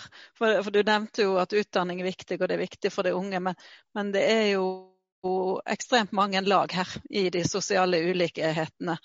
Eh, og er, er, politikken og det som det har av verktøy godt nok rigga til at det kan møte alle de ulike, ulike ulikhetene som er det, rett og slett, når det gjelder de sosiale lagene i Norge? Nei, det, det, er det helt sikkert ikke. Eh, her tror jeg man må tenke nytt, prøve å være litt innovative. Eh, vi har diskusjoner med politikere nå om, eh, om vi skal fortsette med de gamle målene, gamle måtene å jobbe på. Eller om vi rett og slett må si at nå er vi i en helt annen situasjon enn det vi var for et år siden. Uh, og, og, kanskje legge bort noen av den, den, måten å jobbe på, den måten å måle innsats på, og tenke annerledes. Og det å være kreativ, ja, det syns jeg i og for seg både Nav, men også veldig mange andre har vært. Altså De fleste som har vært berørt av offentlige myndigheter, og skolevesenet også for den saks skyld, altså, har vi måttet utvise stor kreativitet for å kunne gjøre aktiviteten sin. Uh, og Det som er mitt håp, det er at vi greier å ta med oss den uh, si, den litt ekstra viljen til å tenke utenfor boksen. For det tror jeg ville være helt nødvendig. Både for uh, hjelpeapparatet, skolevesenet, men også, også arbeidsgivere og, og andre. Mm. Takk. Nå skal vi ha en liten panelsamtale til slutt. Det har kommet inn ett spørsmål her som jeg skal ta etter hvert. Og det må gjerne fylle på med flere spørsmål, det som hører på eh, seminaret. Eh, jeg tenkte jeg skulle gripe tak i litt av det du Ingvar, eh, sa til slutt om beredskapsplaner versus politikk. Og, og utfordre litt det andre forskere på. Det er, er det ikke beredskapsplanen som viktig her, men den langsiktige politikken. Eh, er, har beredskapsplanene vært gode nok, eller burde de ha tatt inn over seg mer? Hvor, hvor er det skoen trykker her for å møte krisen vi står i nå? Eh, Svein Erik, vil du starte? Bare kaster jeg det over til deg, jeg. Ja, Jeg nevnte jo for så vidt i mitt innlegg at altså de, de landene og, og, områdene og befolkningsgruppene og byene som på en måte var hardest ramma under spanskesyken. Jeg må jo alltid nevne det, for det er det jeg kan aller, aller best. Mm. Men også for så vidt under svineinfluensaen, og også nå ser man ikke sant, eh, Frankrike eh, store forskjeller. Eh, I Storbritannia store forskjeller. USA, Brasil. Veldig mange av de landene som har stor ulikhet på ulike sosiale indikatorer og i helse før en krise, er også de stedene og områdene og landene eh, som på en måte er blant de hardest rammede også. Så Derfor så sier jeg igjen at ja, jeg er enig med Yngvar i at liksom det hjelper ikke bare å skrive gode beredskapsplaner. Eh, men jeg er enig også at, at, at eh, jeg tror liksom en av grunnene til at Norge har gjort det ganske bra, jeg tipper Sverige også ville gjort det enda dårligere hvis det ikke var for at det var en velferdsstat eh, altså Sosial ulikhet ved baseline er jo, selv om det øker også eh, i Norge og i nordiske velferdsstater, eh, tyder en del forskning på, så er det likevel mindre her enn andre steder. Og det er en asset i seg sjøl. Så, så, så, det er jo noe man bare må jobbe med hele tiden for å være godt forberedt. Eh, men jeg tror også at de beredskapsplanene allikevel må på en måte revideres og, tenkes og ses i lys av de erfaringene man Eh, har, har hatt nå da, under, under covid. Mm. Jeg tenkte Det du Nina, nevnte om lokale beredskapsplaner versus de nasjonale tiltakene. Eh, har det lokale beredskapsnivået vært godt nok rustet her? Eh, og har med den riktige balansen nå mellom hva som er nasjonale tiltak og beredskap i forhold til det lokale? Altså, jeg tenker jo litt, Når dere snakker at det også handler litt om hva man tenker på når man tenker på beredskap. Eh, fordi veldig, altså veldig, ofte så er det da måte, nedfelt i et eller annet type dokument, et eller annet som fins hos en kommune eller hos en stat eller hos en organisasjon, hva det nå enn måtte være. Eh, noe av problemet er jo på en måte at det helt vanlige folk tenker ikke på beredskap. Altså, det er ikke noe som er oppe i dagen sånn til vanlig. Dette er noe som de mener da, når vi, vi snakker med, med, helt vanlige folk, at tilhører nettopp politikk. ikke sant? Dette er noe politikerne skal drive med, ordne opp i. Dette her har ikke noe med oss å gjøre. Uh, så jeg tenker liksom, Det er vel så viktig da, å tenke på hva er beredskap, uh, og hvordan skal man på en måte inkludere befolkningen i beredskap. Og Det er kanskje derfor jeg også snakker da om disse lokale eh, beredskapsplanene og det lokale nivået. Nettopp fordi jeg tenker at der er det enklere å aktivisere Eh, de som bor der, og gjøre at de på en måte får en stemme inn i, disse, inn i denne beredskapen. Sånn at det blir noe annet uh, enn bare et sånt dokument og et liksom politisk ord uh, som, som, ikke er liksom helt oppe, i dagen. Så jeg tenker i hvert fall at det er uh, også et viktig aspekt da, å ta med seg. Mm. mm. Ja, det, jeg tenkte på det du sa med, med medvirkning. Eh, Espen, du som har forska en del år på det med levekår. Hva, har du sett noe der forskjeller mellom der det er aktiv medvirkning fra de som blir ramma, og versus der det er helt det andre enden igjen, der det er veldig ekspertstyrt?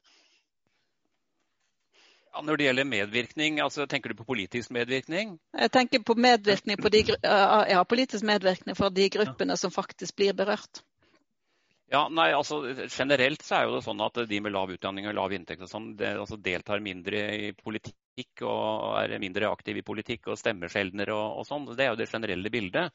Men hvis jeg får lov å gi en kommentar til dette med beredskap. Mm. altså eh, Svein Erik var jo inne på det, men altså stor sosial likhet er en, eh, kanskje den aller beste beredskap vi kan ha. Jeg tenker også at en, en sterk velferdsstat eh, er akkurat det samme. Men en ting vi ikke må glemme her, og det er den sosiale kapitalen. Tillit og gjensidighet som vi virkelig nå har trengt for å komme gjennom krisa så langt. Eh, og det, det, det, Her er det en samfunnskontrakt. altså Tillit og gjensidighet er noe som på en måte er, skapes eh, i et sett og er lett å, lett å rive ned. Eh, og, Derfor så tenker jeg at også at den, den, disse særordningene med 80% blant de lavere lønte, altså tilgang til 80% ledighetstrygd, dagpenger, ikke sant, tenker jeg var, det, det, var en håndsrekning nettopp for å kunne sikre både tillit og gjensidighet. ikke sant? Det, det var et godt eksempel på, på, på en, en, samfunnskontrakt mellom stat og den enkelte. Så hvis man nå går tilbake, altså og på en måte ikke straffer, men i hvert fall altså går ned på dagpengene eh, til, til gamle, slik det var i gamle dager med 66% i snitt eh, fra nyttår, Samtidig som eh, vi vet, nå vet vi hvem det er som på en måte blir langtidsledige. Det er ikke hvem som helst. Eh, og ehm, vi også vet, som Yngvar sa, altså at det er, er jo, det er, veldig få jobber å søke på. Altså det kan gi mening med lave eh, ytelser for å gi insentiver til å søke og få seg arbeid. Men når det ikke er arbeid å få, så gir ikke det særlig mening. Men nå er jeg kanskje midt i den debatten som politikerne holder på med. Ingvar, har du noen kommentar til det siste der? Nei, Jeg er helt, eh, helt enig i det. at det mm, sånn som, altså, Vi er fremdeles i en veldig vanskelig situasjon på arbeidsmarkedet, det er det ingen tvil om. Men det er en unntakstilstand. Eh, så tenkte jeg bare å si litt, Det er et par ting som, som er eh, dette med lokal, jeg, jeg, jeg, var veldig tilhenger av uh, at, uh, lokale planer, men det har, det har, noen, det har noen, utslag òg. Eh, det så vi at uh, når det gjaldt Nav-kontor, som tross alt ganske, har ganske ansvar for ganske mange offentlige tjenester, så var de, alle Nav-kontorene i Oslo var oppe under hele pandemien. Det var den byen med størst smittetrykk. Mens, mens, ganske mange kommuner hvor de ikke hadde, de hadde bare hørt om dette her, de, de hadde stengt ned rubbel og bit. Eh, så det er ikke alltid at de lokale har, tar helt eh, si, konsekvente beslutninger, tror jeg. Eh, så Derfor så er det viktig å sørge for god informasjon og, og, og prøve å påvirke da, eventuelt liksom uheldige løsninger som kommer. Det, si det, det, det beste eksempelet jeg har sett på hvordan et land har greid å håndtere en krise, det var Island under finanskrisen. Og De har snakka på veldig mange internasjonale konferanser, og de fleste land skjønner ingenting av det de da sier. For det de gjorde, det var at eh, de mista jo da valutainntektene. altså Kursen falt jo som en stein på islandske kroner. Så da mista de omtrent 40 eh, av, av eh, inntekten sin. Så sa de at de som står svakest, de som er avhengig av sosiale ytelser, pensjoner, de skal ikke måtte tåle nedgang i inntekt, for de hadde allerede så lite. Så Da ble det innført en ekstraordinær skatt som alle andre måtte betale for å sikre at de aller svakeste kom seg gjennom denne krisa. Og Det var det bred enighet om på Island. Eh, og Det gjorde at det var veldig få, om noen, som måtte gå fra hus og grunn. Eh, men de kom seg gjennom. Og Det er de veldig stolte av. og Derfor så kom det islandske samfunnet, som var veldig hardt ute å kjøre, gjennom dette på en veldig god måte. Uten at det lå igjen mange i, i, bakover som hadde tapt alt. Når de forteller dette, så tror jeg vi nordiske kollegene skjønner en del av hva det dreier seg om. Det er ikke sikkert det har vært mulig å få det til i Norge, men i fall noe tilsvarende har vi greid å få til. Eh, mens de fleste andre land eh, er helt uforstående til den type dugnadsånd som vi snakker om her. Ja, det er jo virkelig ja, en ekstrem felles innsats som ble gjort eh, da. Nå skal vi ta, ta, inn et spørsmål her fra tilhørende våre. Um, først så takker vedkommende for interessante presentasjoner, og så skriver han eh, eller hun. Eh, vaksinering ble nevnt i begynnelsen. Vaksineringsstrategier og prioriteringer er, te er tema i mange land. Foreløpig er det lite som er offentlig om hvordan landene prioriterer mellom grupper, men det er nok i stor grad medisinske risikogrupper. I Frankrike derimot kom, kom nå kanskje jeg er fransk, men jeg prøver meg, Consil Scientifique, eh, covid-19, vitenskap, Vitenskapskomiteen for covid, med anbefaling om å vaksinere først de som er mest utsatt for eksponering pga. yrke. Eh, det dekker da trangbodde, byggearbeidere og fremmedarbeidere. Anbefalinger dekker også vanskeligstilte, bostedløse osv. Hva tenker det innlederne om hva, hva utarbeid, utarbeidere av vaksineringsstrategi bør ta hensyn til? Sven Erik? Ja, jeg har jo snakka om dette i flere år. At, uh, som jeg sier, at man må tenke på andre indikasjoner. Altså hvem som skal ha, få vaksine. Og Da har det vært sesonginfluensa jeg har tenkt på, men også pandemisk influensa. Eller, eller nå under covid for den saks skyld. At man må tenke bredere. For man har jo på en måte, det er disse medisinske risikogruppene som alltid nevnes. Og så er det selvfølgelig helsepersonell som skal på en måte få vaksine fordi de skal beskytte sårbare pasienter. Og de skal uh, selv komme på jobb i en krisesituasjon. Ikke sant? Men her gjelder det også kanskje bussjåfører og taxisjåfører og sikkerhetsvakter. er tre eksempler på folk som har blitt oftere smitta, blitt lagt inn mer på sykehus og dødd i Storbritannia. Og ja, kanskje man skal beskytte dem, og ikke minst de passasjerene de på en måte eh, frakter. Altså bussjåfører og taxisjåfører. Så det er mulig at man må tenke litt bredere om, om, om, dette her. Og det er helt, helt, uh, helt enig i. Og så viser det seg også at under sesonginfluensa så er det en gruppe som er spesielt på en måte lavt dekka, og som kan komme til å være lavt dekka også hvis ikke de prioriteres for en covid-vaksine eller en pandemisk vaksine. Eh, og det er da eh, folk med lavere utdanning og inntekt. Det er folk med, eh, særlig eh, folk som er i yrkeslivet, og som er blant disse gruppene som Nav er opptatt av. Altså arbeidsledige, langtidssykemeldte, uføre. En, en, del av disse er midt i, som er i arbeidslivet, og som er sårbare. Og så har jo annen forskning vist at liksom, det er hvis du har gratis vaksine, f.eks., det er veldig viktig for å få folk til å få opp dekningen. Eh, at, at, fastlegen anbefaler vaksine, er viktig. Så jeg her tenker at kanskje til og med Nav knart på banen. og tenkt, Fordi måte de ser og kjenner godt de i arbeidslivet som er sårbare. Og de mest sårbare kjenner de veldig godt. Alt fra de med, som er uføre til syke, sykemeldte og langtidsledige og de med nedsatt arbeidsevne er også korrelert med disse medisinske risikogruppene, men de er ikke nødvendigvis 100% korrelert. Så du kan fange opp flere og få opp dekningen i den gruppa der. Kanskje også hvis Nav var på, på banen der og var med å kunne anbefale kanskje den gruppen her da å vaksinere seg. Mm. Ingvar, er det på banen, eller vil du på banen?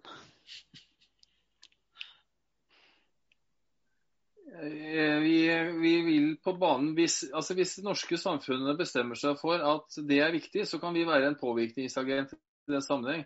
At vi selvstendig skulle ta initiativ til det, tror jeg ikke vi kommer til å gjøre. Altså det, som jeg, jeg syns er eh, helsevesenet Jeg tror vi møter liksom noe vi har, vi, vi, har, vi har, mye samhandling med helsevesenet generelt. Eh, og, uh, og, de, og, de, har noen veldig gjennomarbeida prioriteringskriterier som er veldig fornuftig ut fra et helseperspektiv ofte. fordi at de står overfor veldig mange valg, vanskelige valg og må ha klare kriterier de kriteriene er alltid bare medisinske. Så De tar ikke opp i seg disse andre forholdene. og det liksom kan være litt sånn, Man kan bli litt fortvila over det noen ganger. og jeg tror Det er liksom det å se hvordan man kan beholde gode prioriteringskriterier, men som kanskje får litt flere elementer inni seg da, eh, ved noen anledninger enn det man normalt vil fange opp. Jeg tror det, mulig, jeg tror det er den veien man må gå med helsevesenet. for at uh, Vi ønsker jo at det, skal ha, at det ikke skal være helt tilfeldig også hva som skjer. Eh, men det, men det, kan hende at i sånn sammenheng som dette her, at man bør eh, styrke da, de, kompetansen hos de som gir, fastsetter disse endre kriteriene, med, med, med slik at flere, flere, faktorer blir vurdert. Og Da vil jo Nav kunne selvfølgelig kunne, kunne være med å, å påvirke holdninger, f.eks. Mm. Og ut fra det du har sett, Espen, når det gjelder helseulikheter, ser du at denne pandemien kanskje er litt annerledes, som gjør at en bør ta inn flere faktorer? Mm, ja. Eh, altså det jeg tenker på, altså det er jo liksom denne korrelasjonen. da, altså liksom når, når, eh, pandemien rammer, så er det jo de som, eh, alle de som er blitt som sagt er i risikosonen, altså ikke, ikke, fordi det er eldre, men de har, de har eh, diabetes eller de har eh, kols eller de har hjerte-karsykdom og sånn. Altså, det, er, det, er, jo ganske høyt korrelert med det å ha lav utdanning, det å være utenfor arbeidslivet, det å ha lav inntekt. ikke sant? Så, så jeg, tror, jeg, tror, du fanger opp ganske mye bare ved å liksom bruke disse medisinske indikatorene. Men det kan jo diskuteres om man også på en måte skal legge inn sosiale kriterier. Jeg tenker, eh, det, det, det er jo ikke ofte det gjøres i, i, altså, i medisin og i helsevesenet. ikke sant? Altså, det er det medisinske som, som, som, skal være, ligge til grunn for prioriteringer. da. Så da må man uh, diskutere dette, hvilke sosiale uh, kriterier også skal inn. Uh, men en, en, parallell her er jo dette med raskere tilbake. Da var det å være yrkesaktiv var plutselig et sosialt kriterium. Ikke sant? fordi ja, Jeg husker ikke helt begrunnelsen, men i hvert fall så, var, så ble det et kriterium der. Så, så, nå kunne man jo snu på det og si at nå kan på en måte det å ha, si, ha, ha litt færre sosiale ressurser at det kan være et kriterium. Men, men det, det, jeg, jeg, har, ikke noe, har ikke noe veldig, klar, veldig, klart synspunkt på om, om, man skal dra det inn, fordi det har liksom ganske store eh, konsekvenser. da. Mm. Og det bryter, det bryter, med ganske mye hva skal vi si, tenkning og filosofi. Mm. Svein Erik? Ja, Det er nettopp derfor vi må gjøre det. Det er derfor vi må prate om det. Eh, fordi at det står vi stille og bare gjør sånn vi alltid har gjort, så det, blir det ikke mye endring og mye bedre beredskap eller bedre samfunn. Eh, så eh, Jeg kan minne om den studien jeg viste i stad, den av Williamson et år fra Storbritannia, som viste altså at det er ikke en 100% korrelasjon i det hele tatt mellom medisinske risikofaktorer og eh, fattigdom, deprivation, som de bruker som begrep i Storbritannia, og innvandrerstatus. Fordi Når du kontrollerer for det, disse medisinske greiene, så gjenstår det en fattigdomseffekt. Det gjenstår en innvandrereffekt. Med andre ord så henger dette sammen med helt andre ting som jeg sa i sted, enn om medisinsk sårbarhet. Det handler om eksponering gjennom flergenerasjonshushold, gjennom trangboddhet, gjennom hvilke yrker du har. Eh, og som da ikke er eh, om du har, eh, er, er, i helsevesenet eller ikke. Altså det er andre typer yrker som også er, er under risiko under, under, en pandemi, og som handler om eksponering. Og også dette med helsekunnskap og, og tilgang til helsetjenester og helseforståelse tydeligvis må, må betyne og så gjør jeg akkurat nå en systematisk oversikt og metaanalyse også på influensaområdet. Og, og Da har vi identifisert 14 studier fra 2009-pandemien, hvorav åtte av dem viser akkurat det samme. Ergo at sosiale forhold betyr noe utover eh, de, de medisinske risikofaktorene. Ergo det er andre ting som spiller en rolle her. Så Det er derfor jeg sier at det er verdt å tenke, tenke, på det her. Fordi det er andre ting utenfor dette medisinske paradigmet som på en måte er med og styrer også hvem som er under alvorlig eh, risiko for uh, sykehusinnleggelse og, og, dødelighet under epidemier og pandemier. Mm. Det har kommet inn et nytt spørsmål som kanskje gjelder litt av de gruppene du Nina har forska på. Um, og på hvilken kompetanse de ulike gruppene har når det gjelder beredskap. Og det Spørsmålet er fra Line. Eh, I hvilken grad tenker dere psykisk helse er, bør være en faktor det tar sendt til når det gjelder prioriterte grupper? F.eks. enslige studenter som sliter med ensomhet som følge av pandemien. Og hvordan kan man fange opp disse? Er det noe i forskningen din Nina, som kan si noe om dette ut fra hvilken kompetanse de har nettopp på beredskap og krise? Ja, altså Det vi vet og det, det vi fant før korona eh, i det prosjektet, er jo at eh, de som bor alene, altså enslige, eh, er de som har lavest beredskap generelt. Eh, og Det er jo også fordi eh, de ofte bor mindre. ikke sant? De har eh, færre sosiale kontaktpunkter som kan hjelpe dem. Um, men også fordi at vi ser at i en husholdning med flere medlemmer, så deler man ofte eh, beredskapen litt mellom medlemmene. ikke sant? Noen har ansvar for noe, noen har kunnskap om noe, og, og andre om andre ting. Og hvis man da uh, bor alene, så sitter man på en måte selv uh, med alt det ansvaret. Uh, så jeg er absolutt enig i at det er noe som bør eh, hensyn tas, men jeg, jeg, vet ikke hvordan, og det er kanskje noen andre som kan svare på. Ja, jeg tenker Vi må snart gå til avslutning, men jeg hadde lyst til å stille ett spørsmål til dere til slutt. og Det er litt så langt. Nå vet jeg at det er fryktelig mye evaluering av forskninger som pågår. Men hva er det vi kan lære av kriser som vi er inne i nå, og som også kan overføres til ikke-krisetid når det gjelder utjevning av sosiale forskjeller? Er det noen av dere som vil ta utfordringer på det spørsmålet? Ja, jeg vil gjerne kaste ut i hvert fall én eh, tese. Altså, det, det, det, det i hvert fall har vist, eh, mener jeg, og også sammenlignet med andre land, det er nettopp den tilliten som er i det norske samfunnet. som er, som, er, som er, kanskje den viktigste sosiale kapitalen vi har. Altså, ofte blir arbeidskraften eh, nevnt som den viktigste faktoren for, for, velstand og velferd. Men kanskje tilliten er, er, vel så viktig. altså Både når det gjelder økonomisk utvikling, men også ikke minst å takle denne typen epidemier. Og den kan ikke tas for gitt. Så en må passe på eh, at eh, altså liksom de som der, der, i, i, grupper der man kanskje trekker veksel, veksler på innsats, og, og, og at de, de, gruppene som må bære byrden, de må, de må, de må sørge for. Altså, de, samfunnskontrakten må gjelde dem også til de grader. Det må være proporsjonalitet i de byrdene de bærer, og det på en måte de mottar av samfunnet. Eh, så tilliten er lett å rive ned, vanskelig å, å bygge opp. Mm. Nå er det fryktelig kort igjen. Hvis du Sven Erik klarer å være kort, hva er den endringen du mener vil ha best effekt for å minske sosial ulikhet etter pandemien? Ja, Det er et kjempegodt spørsmål, og nå skal jeg være superkort. Uh, ja, uh, jeg tror faktisk at det har vært sånn at man har uh, altså For 20-30 år siden så snakka man om sosiale helseulikhet i Oslo. Da var det hjerte- og kar og kreft jeg mener at dette her er egentlig første anledningen, og første gangen dette med sosial ulikhet i infeksjonssykdommer har vært egentlig på trappene.